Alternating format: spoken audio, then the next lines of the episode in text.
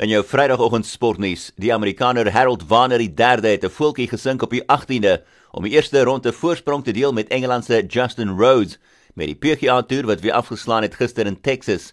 Albei spelers het rondes gespeel van 700 baan sy vir 63 by 'n baie stil Colonial buiteklub sonder enige toeskouers.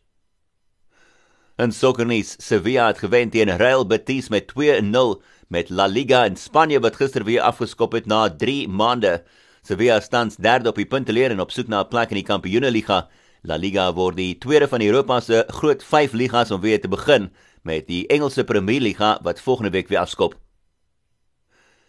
En laastens Noorwe se dubbel wêreld 400 meter hekkieskampioen Karsten Warholm het gesorg vir 'n nuwe wêreldrekord in 'n baie seldsame itemie, 300 meter hekkies met topvlak atletiek wat weer kop uitgesteek het na inperkingstyd by die Impossible Games in Oslo.